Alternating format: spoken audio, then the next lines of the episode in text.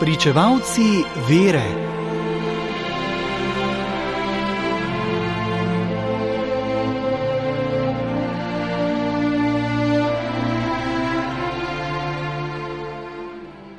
Danes zgodujejo sveti Pavel Miki in drugi japonski učenci.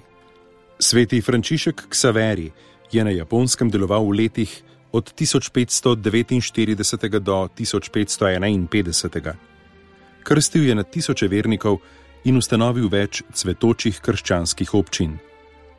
Njegovo delo na otoku vzhajajočega sonca so nadaljevali njegovi sobratje jezuiti in kmalo je bilo na japonskem 750 tisoč kristijanov. Cesar Tajkosama, ki je bil sprva kristijanom naklonjen, je leta 1587 potoval po krajih, ki so bili po večini že krščanski. Hotev je, da bi tudi krščanske žene in dekleta stregle njegovi poželjivosti. Ko so se temu uprle, so ga njegovi poganski svetovalci nahujskali proti kristijanom, in tako je cesar podpisal odlog, da morajo misionarji v šestih mesecih zapustiti Japonsko. Jezuiti so se delali, kot da nameravajo odpotovati z otoka dejansko pa so se samo preoblekli in se vrnili k krščanskim občinam in previdno nadaljevali misijonsko delo. Leta 1593 so prišli na Japonsko prvi frančiškanski misionarji, ki pa so nastopali preveč hrupno, kar rahločutnim Japoncem ni prijalo. Leta 1596 se je začelo novo preganjanje, za katero je dal povod nespametni španski mornar. Z nasedle ladje je hotel rešiti tovor, ki je po japonskih običajih zapadel japonskemu cesarju. Začel je groziti, da bo prišel sam španski kralj in bo osvojil Japonsko. Povsod pošlje pred seboj misionarje, je govoril, na to pride njegovo ladjevje. Ko je cesar Tajko sama slišal te grožnje, je takoj ukazal zgrabiti misionarje in jih obsoditi na smrt.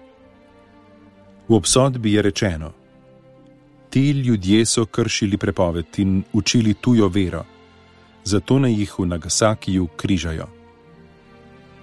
Obsodbo so izvršili 5. februarja leta 1597. Umorjenih je bilo 26 mučencev. Na prvem mestu vedno navajajo Pavla Mikija, japonskega jezuita. Z njim sta umrla še druga dva japonska jezuita, šest je bilo frančiškanov, vseh šest španskega rodu, od preostalih sedemnajstih mučencev pa so bili vsi rojeni Japonci in vsi frančiškanski tretji redniki. Trije so bili mladoletniki, Ludovik je imel enajst, Anton trinajst in Tomaš štirinajst let. Med svetnike jih je prištel papež Pij IX. 8. junija leta 1862. Slovenci smo spomin prvih japonskih mučencev obhajali že od leta 1598 naprej.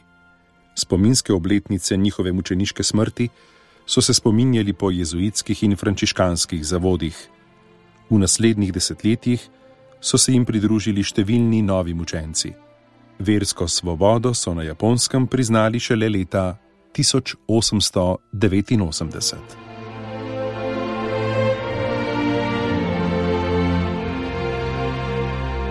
Brali smo iz knjige Svetnik za vsak dan, ki jo je napisal Silvestr Čuk.